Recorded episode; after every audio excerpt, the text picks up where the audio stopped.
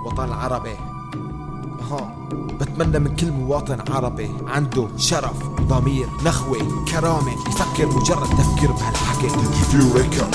الوطن العربي مجسق لمجموعة من الدول بدل ما يكون موحد مثل زمان أول يلي تحول من أسطورة الوحدة يلي بكون بوقت الشدة. إيد بإيد نطلع صدى ضد أي مستعمر متعدي على الوطن.